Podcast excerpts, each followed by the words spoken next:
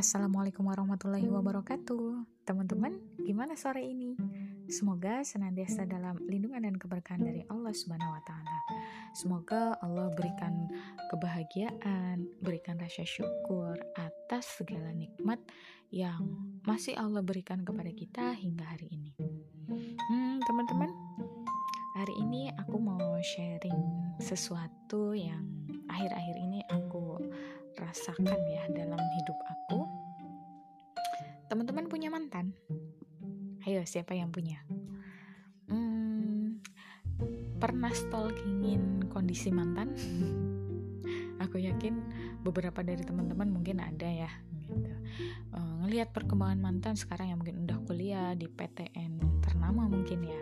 Ada yang udah kerja, ada yang makin dewasa, bahkan ada yang udah punya gandengan yang baru ya sakit nggak ngeliat itu ya sakit merasa menyesal mungkin ada ya perasaan menyesal pernah ngalamin yang begitu?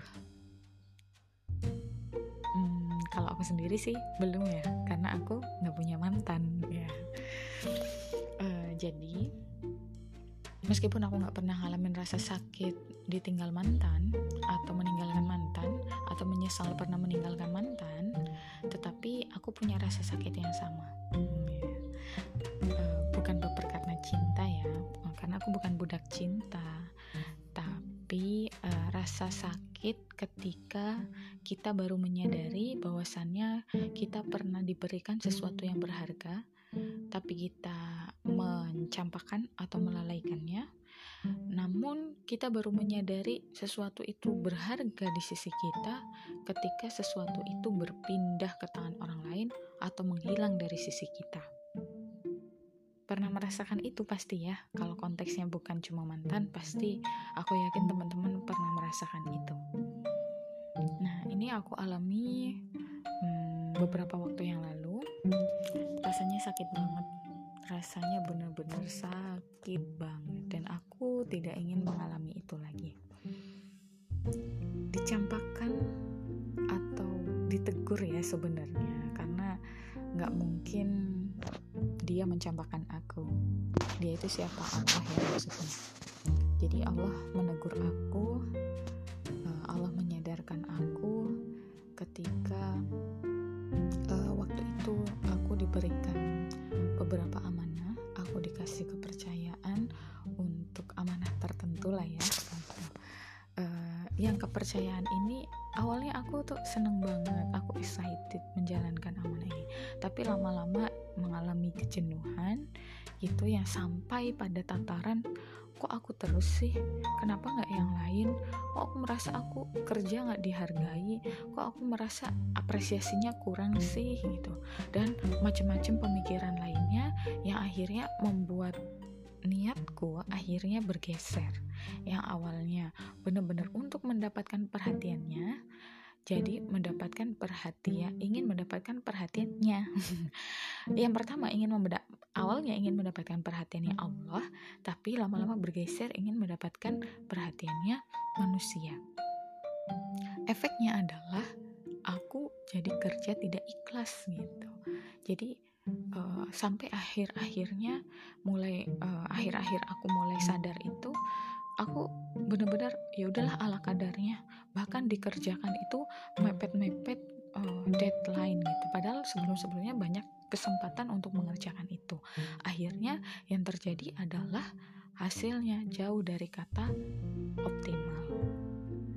Lalu yang lebih menyakitkan adalah ketika amanah tersebut sedikit demi sedikit Allah geser Allah berikan kepada orang lain yang mungkin punya keikhlasan yang lebih daripada aku gitu yang lebih layak menerima amanah tersebut gitu.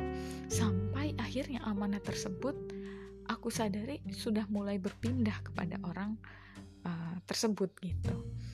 Yang di situlah detik aku merasa dek, sakit banget sakit banget beneran sakit banget gitu ya ya Allah begini ya caramu menunjukkan bahwasannya saya itu sudah mulai tidak layak.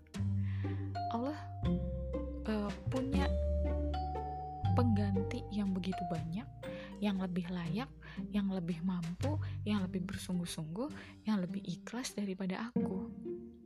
Dari sini aku menyadari bahwasannya uh, taatnya kita kepada Allah, bersungguh-sungguhnya kita dalam beribadah, itu bukan karena Allah yang membutuhkan kita, tetapi sebaliknya, justru kitalah yang amat membutuhkan Allah gitu. Bagi Allah gampang aja ya kalau kita nggak mau melaksanakan kewajiban tidak mau melaksanakan apa yang diperintahkan oleh Allah. Allah sudah punya cadangannya banyak banget gitu. Udah ada yang mengantri di belakang kita. Tapi yang butuh itu sebenarnya adalah kita gitu ya. Yang ngasih kesempatan itu Allah. Maka saat itu aku baru menyadari ya Allah ternyata amanah yang engkau berikan selama ini itu adalah sesuatu yang berharga bagi aku. Kenapa aku sia-siakan? Nah di situ aku takut banget gitu ya. Sa takut sampai tataran ya Allah jangan sampai engkau mengambil amanah ini dari aku gitu. Dengan apa lagi?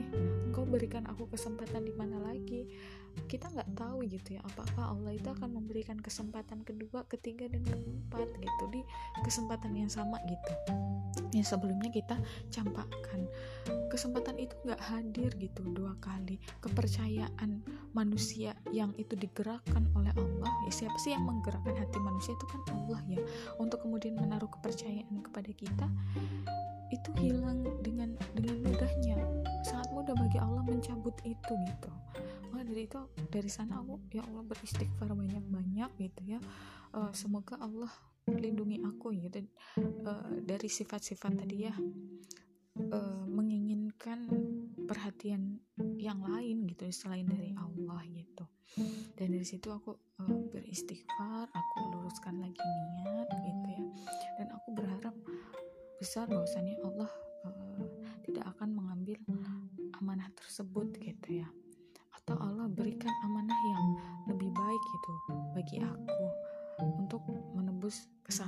kesalahanku gitu ya sebelum sebelumnya gitu teman-teman. Jadi aku berharap uh, teman-teman tidak masuk ke dalam lubang yang sama dan aku juga berharap diriku tidak masuk ke lubang yang sama gitu ya.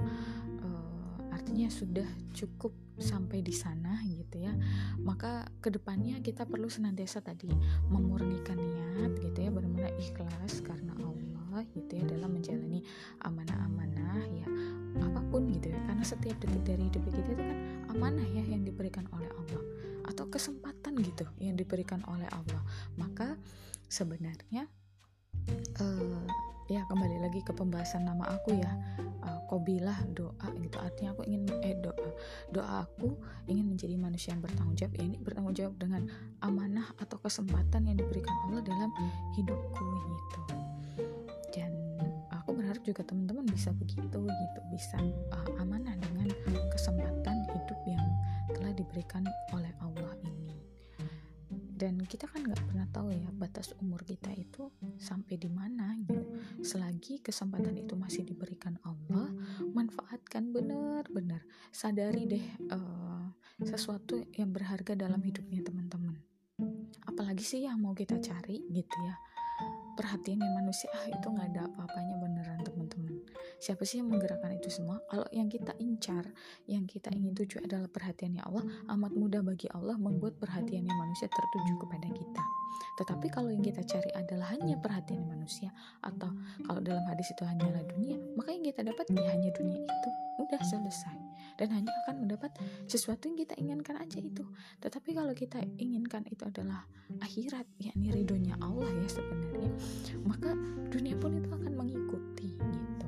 Tetapi kalau realitasnya mungkin kita belum mendapatkan dunia ya sudah gitu nggak masalah. Karena tujuan utama kita adalah ridhonya Allah gitu. Jadi eh, berbicara niat dan amal yang benar. Niat yang ikhlas karena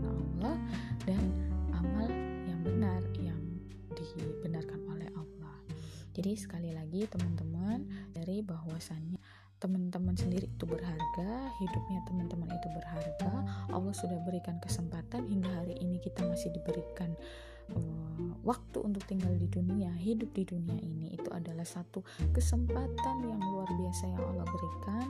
Eh, nggak uh, melihat kita itu masa lalu itu banyak dosa atau gimana pun selagi Allah masih berikan hidup artinya masih berikan kesempatan kita untuk bertaubat. Allah masih berikan kesempatan kepada kita untuk bersungguh-sungguh menjalani kehidupan. Tidak ada kata terlambat. Mari perbaiki diri luruskan niat lalu belajar gitu ya terus menerus gitu ya. Uh, dan tadi sadari hidup kita ini berharga kesempatan ini berharga. Dan setelah kita mati gitu ya kita nggak ada kesempatan lagi gitu untuk kemudian bertaubat untuk memperbaiki amal-amal kita. Uh, betapa banyak gitu ya uh, ayat di dalam Al-Quran yang menceritakan bagaimana penyesalan orang-orang yang berbuat maksiat gitu di dunia. Yang dia itu ingin dikembalikan uh, ingin dikembalikan lagi gitu ke dunia gitu. Artinya kan dia kehilangan kesempatan setelah dia meninggal. Nah jangan sampai kita termasuk dari golongan orang-orang tersebut. Jadilah golongan orang-orang yang kemudian berbahagia yang hatinya tenang tenang dengan amalan-amalannya selama di dunia ini yang dia lakukan secara optimal yang dia lakukan secara ikhlas benar-benar untuk menggapai ridhonya Allah dan dia lakukan dengan cara yang benar. Ya gitu aja ya teman-teman. Semoga sekali lagi aku berharap ini bisa bermanfaat gitu ya dari bagi teman-teman terutama ini juga ber, bermanfaat bagi aku untuk mengingatkan diriku sendiri uh, aku berlindung uh, kepada Allah dari sifat uh, sifat-sifat ria, wujud, tasmi dan lain sebagainya. Semoga Allah senantiasa menjaga niat aku lurus untuk berbagi bersama teman-teman. Oke, gitu aja ya teman-teman. Assalamualaikum warahmatullahi wabarakatuh.